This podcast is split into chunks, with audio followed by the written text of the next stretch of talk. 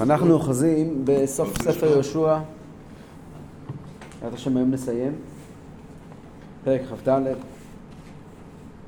פסוק, אה, פסוק כ"ה. כ"ה, למדנו איך שיהושע נפרד מהעם בדרשה מיוחדת, בנאום מיוחד. שבמהלך הנאום הזה הוא חוזר ומדבר איתם על זה שהוא שואל אותם, האם אתם מעוניינים לעבוד את השם? נתן להם הצעה, כן או לא? אומרים לו, כן, אנחנו רוצים לעבוד את השם. אז הוא אומר להם, אתם יודעים שזה כרוך גם בהפסדים. לא, כן, כן, אנחנו יודעים, ובכל זאת. ואז הוא אומר להם להסיר את אלוהי הנכר, והם כורתים ברית עם יהושע. אה? אה, כן? פסוק כ"ה ויכרות יהושע ברית לעם ביום ההוא וישם אלו חוק ומשפט בשכם. ויכתוב יהושע את הדברים האלה בספר תורת אלוהים. ויקח אבן גדולה ויקימה שם תחת העלה אשר במקדש אדוני. שני פסוקים האלה הם יותר סתומים מאשר מפרשים. באמת, יש פה המון המון המון המון תוכן שמתחבא בשני הפסוקים האלה. בפשט כתוב כאן שיהושע כרת ברית עם העם, והוא קרבה את הברית הזה כחוק ומשפט בשכם. כתב את זה בספר תורת אלוקים, קח אבן גדולה והניח את זה תחת האלה שבמקדש השם. זה מה שכתוב כאן. אבל לא כתוב, לא, לא מובן מה כתוב כאן. כריתת הברית, כבר דיברנו עליה מקודם. זה להחליט שעובדים את השם. אבל מה זה חוק ומשפט שהוא מדבר כאן? יש כריתת ברית ויש חוק ומשפט. הוא מדבר פה על איזשהו חוק ומשפט נוסף לברית ההיא. איזה שהם חוקים שנחקקו במעמד הזה. חוק ומשפט. מה הם החוק והמשפט? אז רש"י כותב, סידר להם שם החוקים שבתורה וקיבלו עליהם. זאת אומרת, זה לא רק שהוא קראת להם ברית, הוא פתח את הספר תורה, זה היה שנת הקל כנראה, וקרא בפניהם הלכה אחרי הלכה, דין אחרי דין, וסידר להם מה ההלכות. כן. הלשון אבל, וישם לו חוק ומשפט בשכם, מאוד מזכיר לנו את הפסוק בספר, בפרשת בשלח, שם, שם שם לו חוק ומשפט, כתוב במראה. שם מדובר על חוקים חדשים. שם כתוב שמשה רבנו נתן לבני ישראל כיבוד אב ואם, ופרה אדומה, ועוד כל מיני דינים. רבנו בחיי כותב שמה, שם הוא הסביר להם איך להתנהג במדבר עם, ה... עם הנשים והילדים, וגם מחנות האומות, איך יתעסקו עם כולם. סדרי ותקנות חברה. לכן הרמב"ן, הרמב"ן לא כתב לצערנו פירוש של הנביא, אם היה פירוש הנביא של הרמב"ן זה היה גן עדן. אבל אין לנו פירוש מהרמב"ן על הנביא. אבל הרמב"ן על התורה, בשם שם לו חוק ומשפט, בפרשת בשלח, מסביר את הפסוק הזה כאן.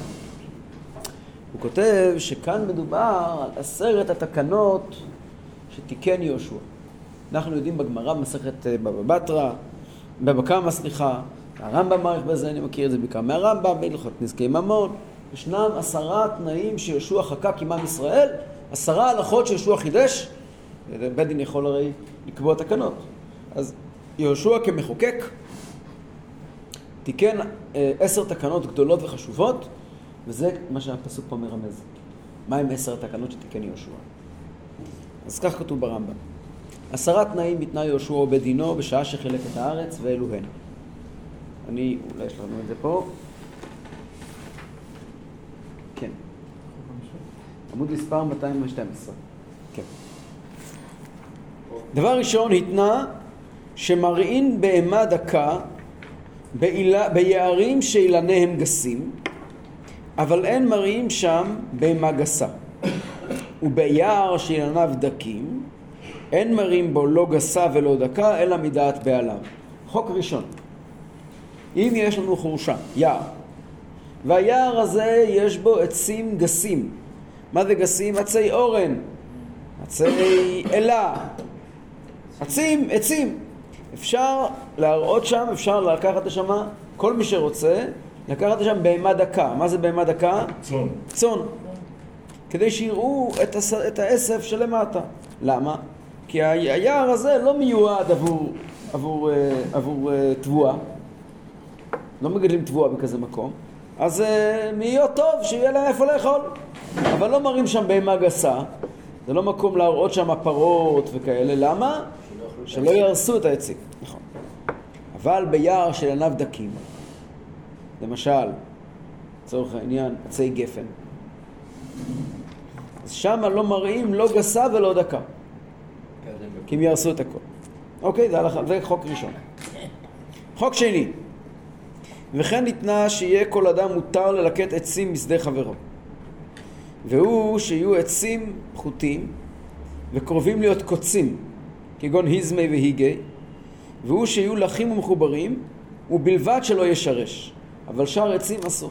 אם בן אדם צריך קצת עצים להסקה, הוא יכול להיכנס ליער של החבר שלו ולקחת אה, אה, אה, זרדים. אבל איזה זרדים? זרדים יבשים. זרדים שהם לא חלק מהגידול. קוצים כאלה. באותם אילנות שהם בעצמם חצי, לפעמים יוצא לנו לעבור ולראות אילנות כאלה יבשים, חצי יבשים כאלה, שהם לא איזה עץ כעת, לא אמרנו מקודם אורן ואלון, אלא עצים שיש בהם קוצים, והקוצים האלה הם כבר מדולדלים, אז מותר לקחת, אבל בתנאים מסוימים. כלומר, אסור רק שהם יהיו מחוברים, ואסור לו לשרש, אסור לו ללכת ו... ו... ולחתוך מהשורש. וכן ניתנה הלכה שלישית, שיהיה כל אדם מותר ללקט עשבים העולים מעליהם מכל מקום. כל מקום שבן אדם עובר בארץ ישראל ורואה צמחיית בר, מותר לו ללקט את זה למאכל. צמחיית בר. גם אם זה בשטח פרטי. כמו סברס. סברס זה לא צמחיית, זה לא עשבים. לא. זה עץ. סברס זה עץ. אבל אם אני הולך ואני רואה אה, גדל באופן, אה, באופן טבעי, אה, אני יודע מה... זה כזה שגדל ואנשים עושים ממולאים איתו. עלי גפן. לא עלי גפן. עלי גפן זה מגפן, זה לא... לא, לא, יש עלים כאלה גדולים שיש עדות מסוימות שהם... זה גדל פרא בשדה. מה שגדל פרא ובזמנם היה הרבה פחות אספלט, אז גדל הרבה יותר פרא, מותר ללקט. חוץ משדה טילטן שזרעה לבהמה. טילטן זה כנראה גדל גם פרא, אבל אפשר גם לביית אותו. אפשר ממש לזרוע שדה טילטן, כי טילטן זה אוכל מאוד משובח לבהמה. אם זה טילטן, אל תגיד לי, תשמע, זה גדל פרא, אני יכול... לא, לא, לא. זה זרע לבהמה, זה מיועד עבור uh, מאכל. מה שאני אומר נקרא חובזה. חובזה, זהו. חובזה. ד' וכן ניתנה שיהיה אדם כותב נטייה בכל מקום. חוץ מגופיות של זית, כבר אני אסביר, ואינו כותב מן האילונות אלא בזית כביצה, ובקנים ובגפנים מן הפקק ולמעלה. ובשאר האילן מתוכו של אילן לא מחודו. וכשהתיר לקטום לא התיר אלא מחדש שאינו עושה פירות, אבל לא מישן שעושה פירות, ואינו כותב אלא במקום שאינו רואה פני חמה. יהושע מאוד מאוד רוצה מה שאנחנו קוראים לו היום יישוב הארץ. ולכן הוא רוצה לעודד אה, נטיות. כדי שלא יצטרכו אנשים לשלם הרבה מאוד כסף למשתלות. לקנות. לקנות. אז הוא מגיע ואומר, כל אדם יכול לקחת גיחור, חתיכת עץ, לצורך נטייה. אבל בשורה של תנאים. ששורת התנאים הזאת היא בעצם מגיעה ואומרת בצורה שלא מזיקה לבעל העץ. מהם התנאים? אז ראינו מה הכמות שמותר לקחת, ומאיזה מקום בעץ מותר לקחת. אם יש לנו ענף עם, עם פירות, אסור לקחת אותו. אם יש לנו רק מהמקום שאינו רואה פני חמה, מהמקום הפנימי של העץ שהוא לא מקבל שמש, מותר משם לקחת. ורק מחדש שאינו עושה פירות, אבל לא משנה שעושה פירות, ורק בגפנים למשל מן הפקק ולמעלה. מה זה הפקק? מי שפעם ראה אה, אה, קנוקנות, לא קנוקנות, אה, זמורות של, של גפנים, יש שם כמו פקקים, יש שם כן. פרקים כאלה. אז אם אתה לוקח לפני הפקק, אתה בעצם מפסיד אותי. כי זה, זה כבר אמור לגדול פה. ממש מהכסה, זה, זה לא יזיק. זה בשביל יישוב הארץ, כן? למרות שלכאורה זה שלי. בשביל יישוב הארץ, יגיע בן אדם ויגיד, שמע, אני יש לי נטייה מיוחדת, עץ מיוחד, אין דבר כזה, יש לך עץ מיוחד, צריך לאפשר לכולם. וכן ניתנה שהמעיין היוצא בתחילה, בני אותה העיר שיצא בגבולה מסתפקים ממנו, אף על פי שאין עיקרו בחלקם, ואין לאחרים להסתפק עמהם ממנו. הוא דיבר על הסיפור של נחל אה, אה, צפית, לא צפית, נחל אה, יעסי. נחל האסי היה בלגן שלם עם קיבוץ שרוצים את הנחל כן, לעצמם. כן. וישוע הגיע ואמר, אנחנו רואים מעיין, שפתאום התחיל לצאת. לפעמים קורה שפתאום מתגלה מעיין חדש, לא היה קודם, נביאה חדשה. אם יש מקום של נביאה חדשה, תושבי האזור של הנביאה החדשה, הם, יש להם בעלות על אוצר הטבע הזה. בכלל ביהדות אין אוצרות טבע, במדינה למשל, אוצר טבע שייך למי? למדינה. למדינה. במדינה העברית זה לא ככה, ביהדות זה לא ככה. זה, זה שייך לשבט, למקום שבו זה נמצא. זה לא שייך לאדם הפרטי, זה כן שייך לשבט. אומרת, לא כל המדינה יש לה חלק בזה. ואם באמת התחיל לצאת מעיין פרטי בתוך חצר של מישהו, אז היישוב הזה יכול ליהנות מהמים האלה, והוא לא חייב לאף אחד אחר. וכן ניתנה שיהיה כל אדם מותר לצוד דגים, לצוד דגים מים טבריה. והוא שיצוד בחכה בלבד. אבל לא יפרוס קלע וימית ספינה שם, אלא בני השבט שהגיע אותו הים בחלקם. כן, אנחנו יודעים, ים טבריה זה הכנרת. אז הוא הגיע ואמר, הכנרת לכאורה זה משאב טבע ששייך לשבט נפתלי, ואולי גם לשבט אה, מנשה, החלק ה- המזרחי שלו. הגיע יהושע ואמר, כל אדם רשאי לבוא עם חכה, להטיל חכה במים, לדוג דגים, כמה שהוא רוצה. אבל בתנאי שזה עם חכה. דייג מסחרי, באמצעות ספינות דייג, רשתות דייג וכיוצא בזה, זה רק לבעלי הרישיון. ומי הם בעלי הרישיון? תושבי השבט ש... ש... שהים נפל בחלקם. זה מאוד מעניין, אני חושב שדומה לזה גם היום. גם היום, אתה לא רשאי, אתה כל אחד יכול לבוא לכנרת ולדוג דגים עם חכה. אבל לא כל אחד יכול להיכנס לכ- לכנרת עם רשת לדוג דגים, אז פשוט צריכים רישיון. כלומר, אם אתה דג עם חכה, בבקשה, תפאדל, אף אחד לא יגיד לך לא. איי, זה שייך למדינה בימינו. גם המדינה אין לה בעיה שאתה דוג דג או שתיים או שלוש או אפילו חמש עשרה. אבל אם אתה נכנס עם סירה ועם רשתות, עם תהליך שלם, אתה לא יכול להגיד אני לוקח הפקר, זה לא שלך. אה, כן. כאילו, לא. נכון, מוסדר מבחינת המדינה. אז יהושע אמר זה שייך לתושבי טבריה, לבני נפתלי ובני מנשה כנראה. עוד דבר, וכן ניתנה שכל אדם שצריך לנקביו מסתלק מן הדרך ונכנס אחורי הגדר שפגע בו ונפנה שם ואפילו בשדה מלאה כרכום ונותן משם צרו ומקנח. זה מושג שנקרא כבוד הבריות. הגיע ואמר, יבוא בן אדם, יגידו, מה השטח שלי, אתה אסור לך להיכנס כאן? אם בן אדם צריך שירותים, הוא יכול להיכנס איפה שהוא נמצא, מאחורי הגדר, ולעשות את צרכיו. הוא לא צריך לבקש רשות. ויותר מזה, אפילו בשדה מלאה כרכום, כרכום, קורקום, זה תבלין מאוד יקר. יבוא הבעלים של הקורקום ויגיד, אתה משחית לי את התבלין. תבלין מאוד יקר. לא. אנחנו חייבים לאפשר לכל אדם את הזכות להתפנות בכל מקום שהיא. יותר מזה, הוא גם יכול לקחת אה, צרור, כלומר אה, אה, אבנים, כמו שפעם היו מקנחים באבנים, אבנים מהמקום ולקנח בהם. וכן ניתנה שכל הטועה בין, הגר... בין הכרמים וכיוצא בהם, מפסג ועולה, מפסג ויורד עד שיצא לדרכו. אם אדם נתקע בתוך כרם ענבים, לא ברור לי איך זה קרה, אבל הוא נתקע בתוך, פתאום אדם מוצא את עצמו בתוך כרם ענבים. עכשיו, כל צעד שהוא עושה, הוא מזיק לכרמים. אז מה, יישאר תקוע שם לנצח? אז אומר יהושע בן נון, תקנת יהושע, מותר לך להוציא עולר, לחתוך לעצמך דרך ולצאת. אה, לא, סתם, אפילו גם אם זה מזיק. טעית, אז אתה עושה עוד פעם ועוד פעם, כל הכיוונים עד שתצא. אם אדם, אוקיי, וכן ניתנה שבזמן שירבה עתית בדר- בדרכי הרבים, או נקיי מים, יש לעוברי דרכים להסתלק לצדדי דרכים ומהלכים שם, אף על פי שהם מהלכים בדרך שיש לה בעלים. כלומר, אם יש שלולית בכביש, הכביש הוא של הרבים, ואני הולך בכביש ויש שלולית, האם אני יכול להיכנס לחצר פרטית כדי לעבור דרך שם? תקנת יהושע, מפני צורך הקהל והציבור וזה, מתקן יהושע למרות, כל הדברים האלה הם נגד החוק היבש, זה תקנות. מגיע יהושע ומתקן, אתה יכול לעבור בחצר פרטית כדי שלא תצטרך ללכת בתוך הבוץ. ודבר אחרון, מאוד ליברלי יהושע. לא ליברלי, הוא מתקן, הוא מחוקק. מה ליברלי בזה? זה מחוקק, הוא מחוקק. לא המילה, אה. אבל... אה, מחוקק אמיתי. כן.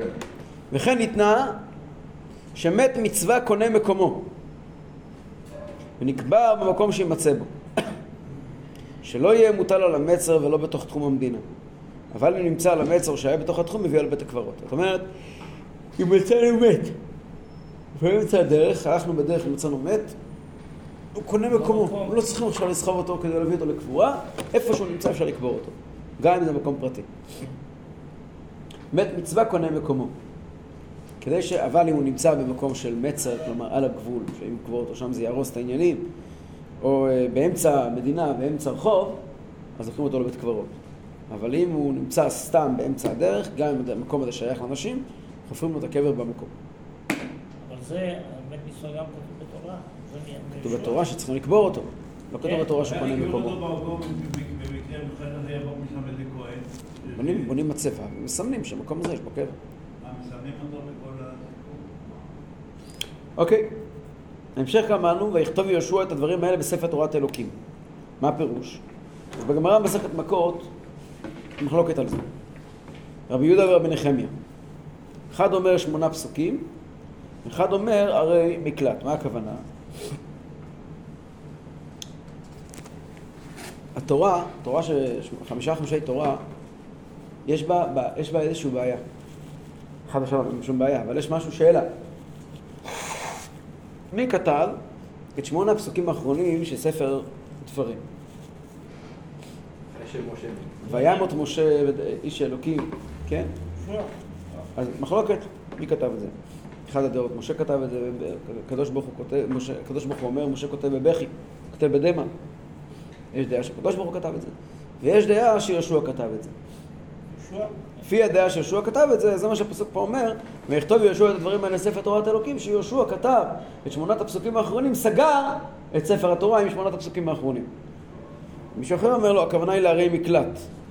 הכוונה היא ש... שהוא הוא כתב את, את ערי מקלט, פרשת ערי מקלט, שהיא לא בתורה, אלא כאן, ספר יהושע מתואר איך הוא, איך הוא פירט, איך, איך הוא בנה את, את אה, ערי מקלט. הוא כתב איך הוא עשה את זה כאן בספר יהושע על פי מה שכתוב בספר תורת האלוקים, איך אה, בונים את ערי המקלט. אבל אברבנאל אומר, הסבר יפה, אומר ויכתוב יהושע את הדברים האלה בספר תורת אלוקים, הכוונה פשט נפלא. ויכתוב יהושע את הדברים האלה, את ספר יהושע. יהושע כתב את ספר יהושע בספר תורת אלוקים, והוא אמר שזה יהיה חלק נוסף על חמישה חומשי תורה. כלומר, הוא פתח את המושג של ספרי הנבואה. קודם אותו, ישב יהושע וכתב את ספר יהושע. אוקיי. מה הפירוש שהוא שם את, ה, את הספר במקדש השם, בשכם, בשכם אין מקדש השם. אז אה, מסבירים, רש"י כותב, שהכוונה היא לארון הברית שהובא לשם, על יד ארון הברית. המקום שבו הונח ארון הברית, אז זה היה בית, והבית הזה נקרא מקדש השם על שם ארון הברית שעמד שם באופן זמני.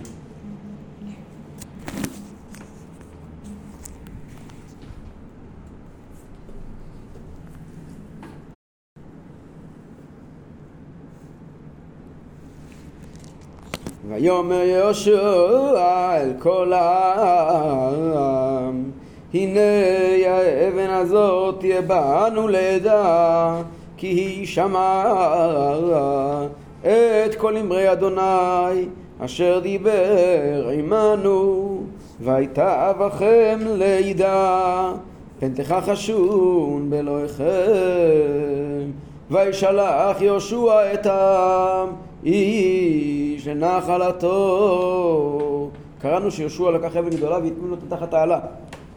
שני פירושים מה זה העלה, רש"י מביא, או מזוזת הפתח, או עץ העלה ששם הטמין יעקב אבינו את התרפים, את הפסלים שהביאו מ- מלבן, כן? והקבלה היא ברורה, כמו יעקב שלקח את כל מה שהביאו איתם, גם יהושע באותו מקום, בתחת העלה בשכם. מה הקשר באמת בין הסיפור של יעקב האלילי והסיפור של יהושע? אז כתוב אצל חסידים ככה, כתוב אצל, יש ספר של חנוך עינך מרדזין, קצת הוא מסביר ככה, על פי חב"ד זה עוד יותר מובן. התחלנו את הפרק לפני שני שיעורים, באיחוד עולה, מה שיהושע אומר לעם ישראל, בעבר הנהר ישבו אבותיכם מעולם, תרח ואברהם ואבי נחור, סיפר להם איך אברהם אבינו נולד מחדש, ואיך יצחק נולד, כן, עוד דרגה ועוד דרגה ועוד דרגה, איך שכולם יוצאים מאומות העולם, ואיך שיצחק יצא, מ... יצא ממנו עשיו, ואז הגיע יעקב, יעקב הוא השלמות, כן, כך למדנו. כשהגיע יעקב לשכם, הוא טמן שם את כל האלילות, וגמרנו, הוא נקי לחלוטין. כן? בהמשך למה שדיברנו קודם, מגיע, זאת אומרת, מגיע, יעקב התחיל את התהליך של לחבר ארץ ושמיים, כי, ה, כי הקדושה הגיעה באופן מושלם לעולם באמצעות יעקב אבינו. ועל ידי העבודה של יעקב אבינו הגיע אחר כך מתן תורה של מצוות גשמיות. כעת מגיע יהושע ואומר, קיבלנו את המצוות, עכשיו מתחילים לקיים אותן. אז, וכעת אנחנו מגיעים, אנחנו מעל הטבע, אנחנו מעל העולם, והגענו לארץ ישראל, צריכים עוד הפעם לגלות את השם, התפקיד שלנו לגלות את הקדושה של הקדוש ברוך הוא בעולם, כמו יעקב אבינו, אבל הפעם באופן מעשי, ולכן הוא עוד הפעם מגיע ועושה את חוקי ההתנחלות שראינו מקודם, את עשרה החוקים האלה, שמגיעים ואומרים לתורה, יש מה לומר, לא רק על איך מניחים תפילין ואיך כותבים מזוזה, אלא גם על איך מספנים מאחורי העץ, כמו שלמדנו מקודם. גם על זה יש לתורה מה לומר. התורה והעולם הם מחוברים, ולכן הוא כותב את הדברים על אבן, מחבר את הדברים מהעולם הגשמי הזה, והוא אומר, האבן הזאת שמעה את כל אמרי השם. כלומר, הגשמיות הזאת היא חדר בה הקדושה. זה מה שקורה כאן. תחת האלה אין עבודה זרה, והקדושה אמורה לחדור בתוך המציאות של העולם עצמו. זה בעצם מה שקורה שם. בזוהר נאמר, שלושה דברים נעמדו כדי להעיד עדות. הבאר של יצחק, בעבור תהיה לי לעדה כי, כי חפרתי את הבאר הזאת, כתוב שיצחק אמר לאבימלך. הגורל, שכתוב אה, על פי הגורל תחלק נחלתו, שיהושע חילק את הארץ על פי גורל, ושהגורל עצמו היה עדות על זה, והאבן של יהושע שומר עליה האבן הזאת לעדה. כתוב בראשית חוכמה, שונה שעתיד לבוא, הקדוש ברוך הוא כל אחד ואחד יוכיח לו את מעשיו, והוא יעמוד ככה תמה. אומר, אומר, אומר, אומר ראשית חוכמה ככה, משל לאחד שהיה נשיא ביתו של מלך, הוא משכים ושואל בשלומו של מלך, בכל יום. אותו בן אדם היה נשיא לבת של המלך, כל יום מגיע למלך, בוקר טוב המלך. המלך אומר לו, נכון? ככה ככה היה בבית שלך, כעסת על זה, ככה ככה הכית. צעקת על ההוא, הכית את העבד ההוא. הוא אומר, איפה המלך יודע כל מה שאני עשיתי? אמרו לו, מה, אתה לא מבין? אתה נשיא בבת שלו. אז מספרת לה הכל. אומרת לו? כן. אז אותו דבר אומר, אומר, אומר ראשית חוכמה, השכינה מעידה על המעשים של היהודים, יהודי עושה משהו, הקדוש ברוך הוא יודע הכל, כיוון שהקדוש ברוך הוא שוכן בינינו, נכון? המציאות, כמו שהקדוש ברוך הוא שוכן בעולם, זה מה שכתוב, אומר שיעקב אבינו הטמין את האבן תחת האלה, אומר האבן הזאת היא עדה, היא, היא רואה הכל, זה פה. הקדוש ברוך הוא שוכן בגשמיות, כמו שכתוב שמשיח יבוא יהיה, אבן מקיר תזעק. האבן תצעק, למה אתה עובר עבירה? זאת אומרת, הגשמיות היא מעידה עלינו. ויהי אחרי הדברים האלה, ויעמוד יהושע בן נון, עבד אדוני, בן מאה ועשר שנים. ויגברו אותו בגבול נחלתו, בתמנת סרח אשר בהר אפרים, מצפון להר גש. אז קודם כל, כבר, כבר, כבר נגיד, קודם כל, מי כתב את זה? השאלה כבר... את השאלה כמו מקודם. אז אה, הגמרא שואלת את זה. ענה, זה כתב אלעזר. אלעזר. אבל עוד רגע נראה, נקרא שאלעזר מת. אז מי כתב את זה? פנחס. נכון. דבר שני, איפה זה המקום הזה? היום מקובל לזהות את הקבר במקום ליד, אה, בקילומטר מאריאל, כפר ערבי כיף אל-חרת. ויש שמזהים אותו עם חירבת תיבנה, שבאזור נווה צוף. הרבה מאוד נושאים במהלך הדורות דיברו על הקבר של יהושע בגליל. מעניין, אבל לכאורה הם טעו כיוון שזה לא הר אפרים. איך הגיע לגליל? לא הגיע לגליל, הם טעו. כתוב בתורה שהוא נקבר בהר אפרים. אוקיי. שימו לב לתואר שהנביא נותן, ויהם אותי יהושע בן נון, מי יודעים בדיוק גם על זה? בערך יש, היום יש קבר יהושע שנמצא בכפר כיפל חרת, ליד אריאל. אין בעיה שם הכפר הזה? הכפר הזה לא בעייתי שם? לערוב כאילו? לא ניסיתי. הם, אה, אבל הם אה, גם יש להם איזושהי השתייכות הערבים לזה, או שהם לא? מה השייכות? מה השייכות לא, שלהם לארץ ישראל בכלל? סתם, אני שואל. מה- קשור שם? שימו לב איך הנביא מכנה, תביא, תביא אה, כוס סודה. סודה זה אלוקי, דע לך. על קבר דניאל ב- בזה לא לא השתלטו? אז אה, דניאל איפה זה בעיראק? ועכשיו מצאו אותו שהוא נמצא בכלל בזה, בקרסטן. אוקיי. קרסטן. לא קזחסטן, מה פתאום? בינתיים עם סודה בטעם איזה רב תפוח. שחקר את זה ועכשיו שלח איזה סרטון שהוא מכיר את המקום שלו. קזחסטן? איפה זה קזחסטן? הוא אומר שהשתלטו עליו שמה... אם תגיד פרס אני מוכן לא לקבל. פרס. אם תגיד עיראק אני מוכן לקבל קזחסטן. טוב, אז הנביא מכנה את יהושע בתואר הנפלא עבד השם. תואר של משה רבינו. כן, איזה יהושע... נביא? הנביא, הנביא, הספר הנביא. מי כתב את זה? אמרנו מקודם, כתב את זה אלעזר. אה, עבד השם. בהתחלה קראנו ויחרים את משה עבד השם ויאמר השם אל יהושע. משה עבדי מת ואתה קום. וכעת זה ויאמר יהושע עבד השם, וזה תואר עבד השם. ואחרי מאה ועשר שנים הוא נקרא עבד השם. יש כאלה שכותבים, הכלי יקר כותב, שעכשיו הוא הרי קראת עם עם ישראל ברית, כמו משה רבינו, וחקוק עליהם חוקים, אז גם הוא עבד השם.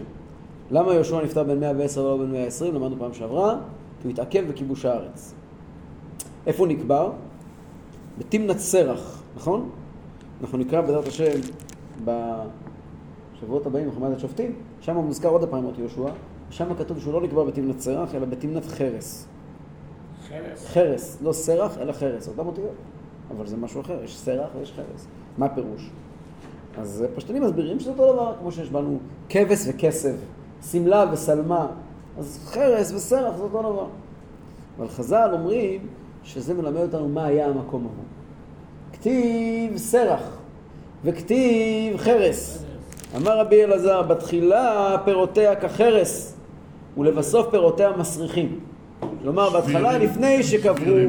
לפני שקברו שם את יהושע, הפירות היו יבשים כמו חרס. לא היה שום טעם בזה. כשנקבר יהושע, הפך להיות מקום של ברכה, שהפירות מסריחים. למה הם מסריחים? It's very juicy.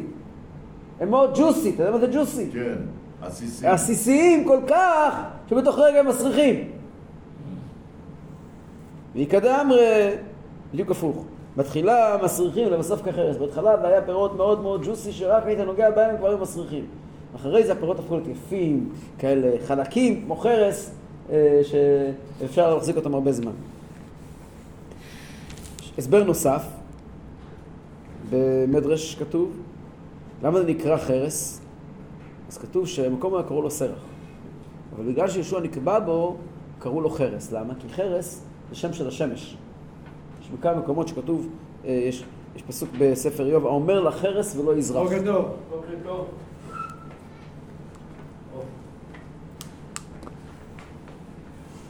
האומר לחרס ולא יזרח.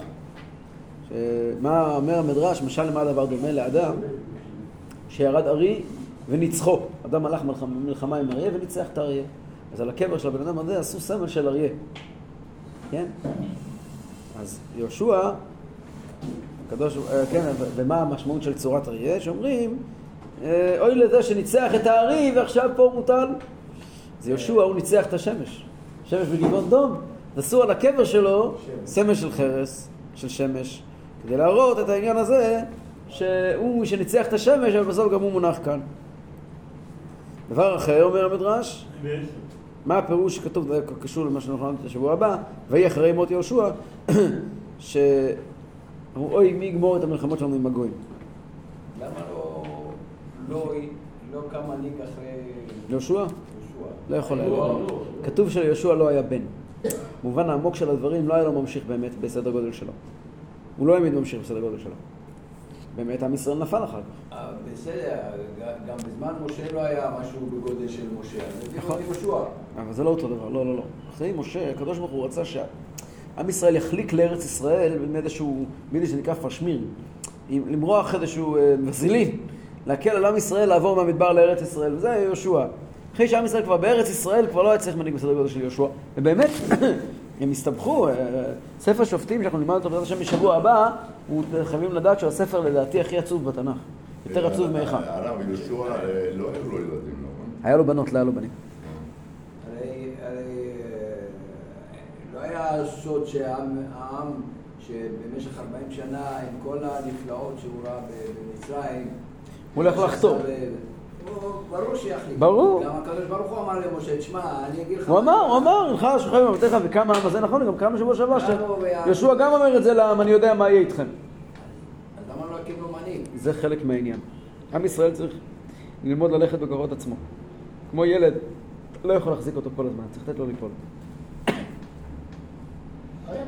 לפעמים יוצא לי לשמוע מאנשים. אה, יצא לי. היום אין מנהיגים, היום אין מנהיגים. היום ממש אין מנהיגים. לפעמים יצא לי לשמוע מאנשים, לא פעם ולא פעמיים, אנשים שעכשיו חיתנו את הילדים שלהם. שמעתי מהרבה אנשים. איזה טעויות הילד שלי עושה עם כסף, הוא לא יודע איך להתנהג כלכלית נכון. ועכשיו הוא הולך להפסיד כל כך הרבה כסף. תמיד אני אומר להם, שיפסיד. זה שכר לימוד. הבן אדם לא יכול ללמוד אקספיריישן וללמוד את הניסיון מההורים שלו. זה לא עובד ככה. יש דברים שבן אדם צריך ללמוד בעצמו. אם הוא לא חוטף מכה, הוא לא ילמד. זה שכר לימוד. שהקדוש ברוך הוא ידעו שהשכר לימוד יהיה זול. שקשה לעמוד בצד ולהסתכל. נכון, אבא שלי תמיד אמר לי. תדע לך שהדבר הכי קשה בלהיות הורה, כשמגיע גיל מסוים, אתה צריך לשים את השיניים מעל השפתיים ולשתוק. שהילד לא יראה אפילו. כל כך קשה, אבל זה הגבורה. וזה מה שיקרה באמת בפרק הבא, בספר שופטים, אנחנו נראה כמה עצוב הולכים להידרדר. אוקיי. לא הכל היה עצוב בספר שופטים, אבל... ספר שופטים, אנחנו נלמד אותו, אנחנו נראה. בעיניי, כשאני. בעיניי, כשאני למדתי ספר שופטים בעיון, פשוט הוא, מעציב את הלב. למה הוא מעציב את הלב? לא אכפת לי להיות, זה לא כי אני קורא אגדה עצובה. כי אתה מזדהה כל כך עם מה שכתוב שם.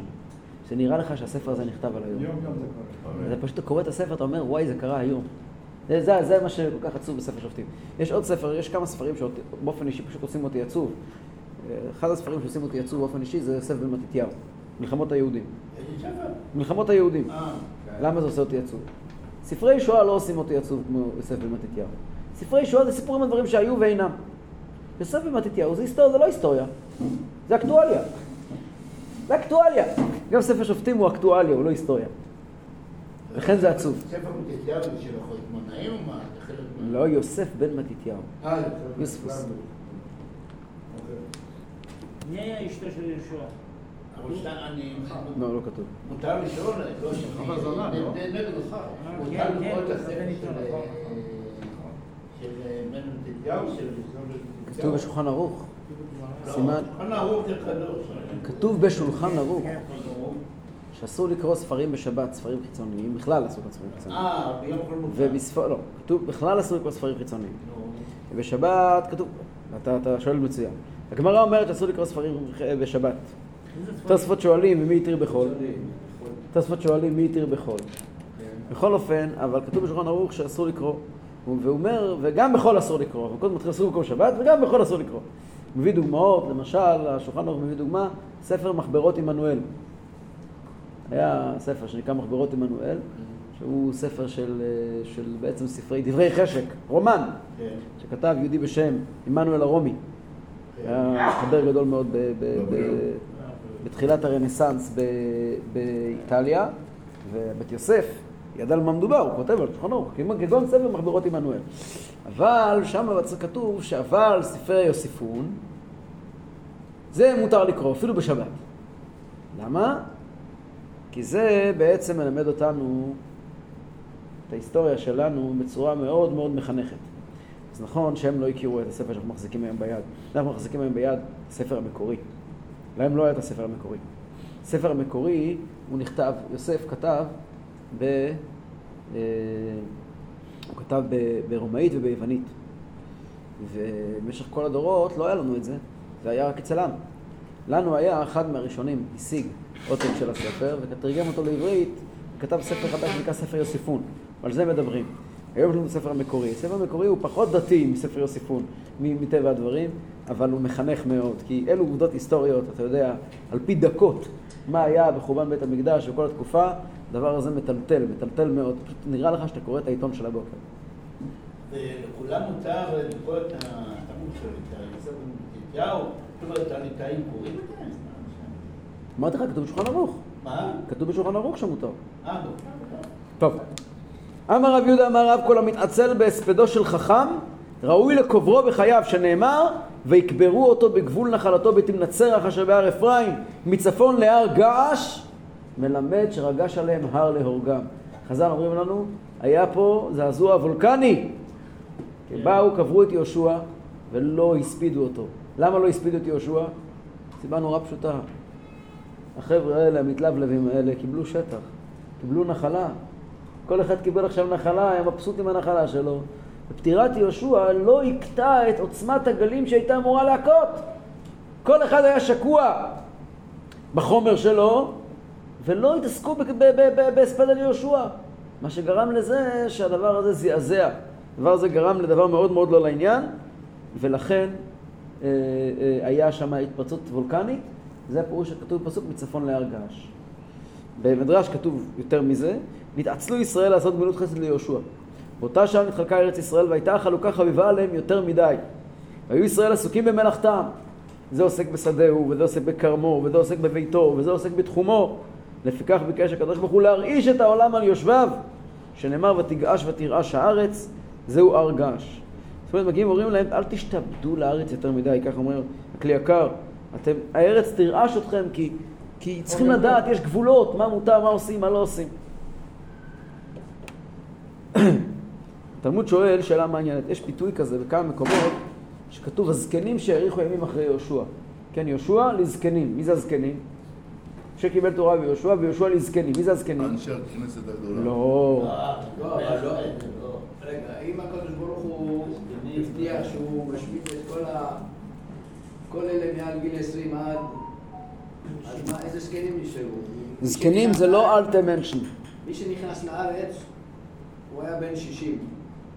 מי שהיה לארץ היה מגיל 60 ומטה, כן? מ-60 או ומטה. מאוד מאוד מבוגר, או מי שהיה מעל גיל 60 כשיצאו ממצרים, או לוויים.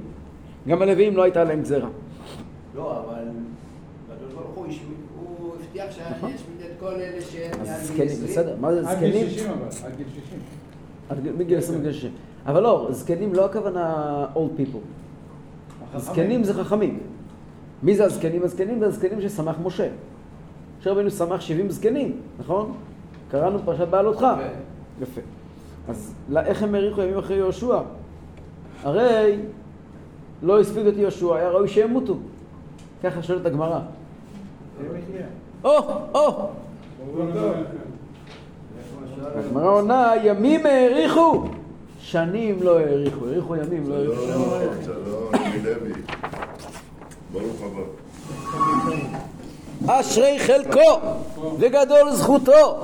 וחברים, אנחנו עכשיו הולכים לעשות, הגעתם בדיוק ברגעים הנכונים, פסוק ל"א: ויעבוד ישראל את אדוני כל ימי יהושע וכל ימי הזקנים אשר האריכו ימים אחרי יהושע ואשר ידעו את כל מעשה אדוני אשר עשה לישראל. אתם כבר רואים פה חצי רמיזה, ויעבוד ישראל את השם כל ימי יהושע. אחרי זה, לאו דווקא. ואת עצמות יוסף, אשר העלו בני ישראל ממצרים, קברו בשכם, בחלקת השדה, אשר קנה יעקב, מ- מ- מאת בני חמור אבי שכם, במאה הכסיתה, ויהיו לבני יוסף לנחלה. ישוע מת, בעצם מסתיימת יציאת מצרים. מצרים יוצאים בני ישראל עם משה רבינו, וכעת הם מסיימים להיכנס לארץ. מות יהושע, סיום תהליך היציאה ממצרים, ומסתיים בזה שקוברים את יוסף. כל הסיפור מתחיל בספר בראשית, פה נמצא הסיום. בספר בראשית קראנו שיוסף מצווה את בני ישראל, קחו אותי לארץ ישראל, בספר שמות קראנו שמשה לוקח, ויקח משה את עצמות יוסף עמו, וכעת קוברים אותם. למה קוברים אותו בשכם? אומרת הגמרא מסכת סוטה, מה ישנה בשכם? אמר רבי חמא ברבי חנינא, משכם גנבו, ולשכם נחזיר אבידתו. המדרש יעקב שמעוני מביא את זה בצורה מאוד יפה, מושלים אותו משל למה הדבר דומה לליסטים שנכנסו לתוך המרתף ונטלו קנקן אחד של יין ושתו. הציץ עליהם בעל המרתף ואמר, יערב לכם, יבשם לכם, שתיתם את היין, החזירו את הקנקן למקומו. כך אמר להם הקדוש ברוך הוא לשבטים, מכרתם את יוסף, החזירו את העצמות למקומם. אה, זאת אומרת, אני חושב שהמשמעות העמוקה של המשל הזה, שאולי הכוונה של המדרש הזה, כביכול, הקנקן הוא רק הכלי שבו נמצא היין. אתם התבשמתם מהיין, קחתם את היין, תשתמשו בו, צאו איזון. כאילו הקדוש ברוך הוא אומר לבני ישראל, תקשיבו, אתם הרי שייכים לארץ ישראל. יוסף הוא גם צדיק, הוא שייך לארץ ישראל. כן. אבל אתם הייתם צריכים לקחת אותו למצרים בגזרה, בגזרה עמוקה של גר יזרעך בארץ לא להם כדי שיהיה לכם כוח במצרים על ידי יוסף, שהוא יהיה מלך מצרים וכולי. כל המכירה למצרים לא הייתה סתם רשעות. היא הרי הייתה בעצם מגזרה עמוקה של אותו צדיק, שנאמר לו גר יהיה זרעך לא להם כדי לתת בני ישראל כוח. אז לקחתם את יוסף, התבשמתם ממנו. לקחתם את הכוחות ממנו. שתו, צאו גיזון. קיבלתם ממנו כוחות, קיבלתם את היכולת להתרומם, להתבשם. יין, יין זה עניין של אה, יינה של תורה, עניין של סוד. יוסף כידוע עניינו לחבר עליון ותחתון, לחבר את העולם הזה עם העולם העליון. קיבלתם מיוסף כוחות, הכל טוב ויפה. סיימתם? עכשיו תיקחו את הכלי, את העצמות של יוסף, ותחזירו את זה חזרה למקום, לארץ ישראל, לשכם, כביכול תזכרו שהכל מתחיל בארץ ישראל ונגמר בארץ ישראל. כל הסיבוב הזה שעשיתם, עכשיו תחזירו את העצמות למקום. דבר אחר, אמר להם יוסף, משביע אני עליכם, שבמקום שגנבתוני, שם תחזירוני. נוסף, דבר נוסף אומר המדרש, כתוב שיעקב אמר ליוסף, ואני נתתי לך שכם אחד על אחיך. אמר להם יוסף, שכם! אתם לקחתם אותי משכם, תחזיר אותי לשכם. באמת, קבר יוסף נמצא עד היום בשכם. עליו. כן, שומרים עליו, בטח שומרים עליו, בטח, לא, אה? בטח שומרים עליו. שרפו שמענו, מה אתה יודע. לא שומרים, שוברים. אגב הדברים, הגמרא אומרת דבר נפלא. כתוב, ויקח משה את עצמות יוסף עמו, כתוב בפרשת בשלח, ופה כתוב, ואת עצמות יוסף אשר העלו בני ישראל. שם כתוב משה, פה כתוב בני ישראל. שהביא אותם אומרת הגמרא, אמר רבי חמא ברבי חנינא, כל העושה דבר ולא גמרו, ובא אחר וגמרו, מעלה עליו הכתוב על שגמרו כאילו עשאו. האחרון. האחרון. אנחנו עכשיו עומדים לגמור, לסיים את ספר יהושע. אז גם מי שלא היה איתנו כל הדרך, מי שגמרו כאילו עשאו. כאילו.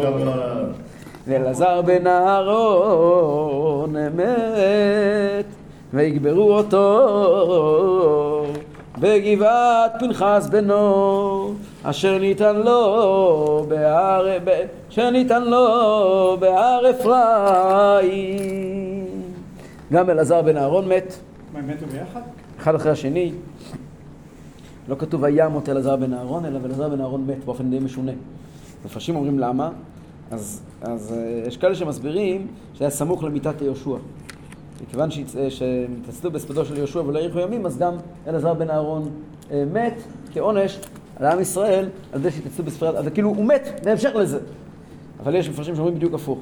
שהיה שינוי ממיתת יהושע אחרי, שהיה את הסיפור שההר הרגע שלהם היה עליהם אה, התפרצות וולקנית, אז כאשר אלעזר בן אהרון מת, עשו מזה בלאגן שלם ועשו הספדים גדולים, ולכן התורה משנה את הלשון. אה, כן, מאיפה היה לפנחס הכהן נחלה בהר אפרים? הרי פנחס הוא כהן. התשובה היא, חז"ל אומרים שזה היה מאשתו. אשתו, היא הייתה כנראה משבט אפרים, והיא ירשה מההורים שלה נחלה, כנראה שהייתה בת יחידה, או בת יחד עם עוד בנות, אני לא יודע. וההורים שלה מתו, ואם אדם אין לו בן, אז עברתם את נחלתו לביתו. אז אשתו של פנחס ירשה, וכנראה היא נפטרה, ופנחס ירש ממנה, כי האיש יורש את אשתו. וככה היה להם שמה פנחס בן אלעזר, הוא אמנם כהן, אבל היה לו נחלה בהר אפרים. ושם בהר אפרים טמון אלעזר. באמת, כמו שאתם יודעים, עד היום יש בהר אפרים יישוב ששמו אלעזר. לא, זה לא בגוש עציון, בהר אפרים. אלעזר זה ליד איתמר. ואיתמר זה בהר אפרים, נכון? איתמר יישוב יותר מפורסם מאלעזר. נו, אלעזר ואיתמר בהר אפרים. טוב, ברוך השם לעולם אמן ואמן, רק נקרא אולי את הפסוק הראשון של ספר שופטים. ויהי אחרי מות יהושע וישאלו בני ישראל את השם. שאלו שם איך ייכנסו לארץ ומה מה יעשו עכשיו. אנחנו בעזרת השם את זה נלמד בשבוע הבא.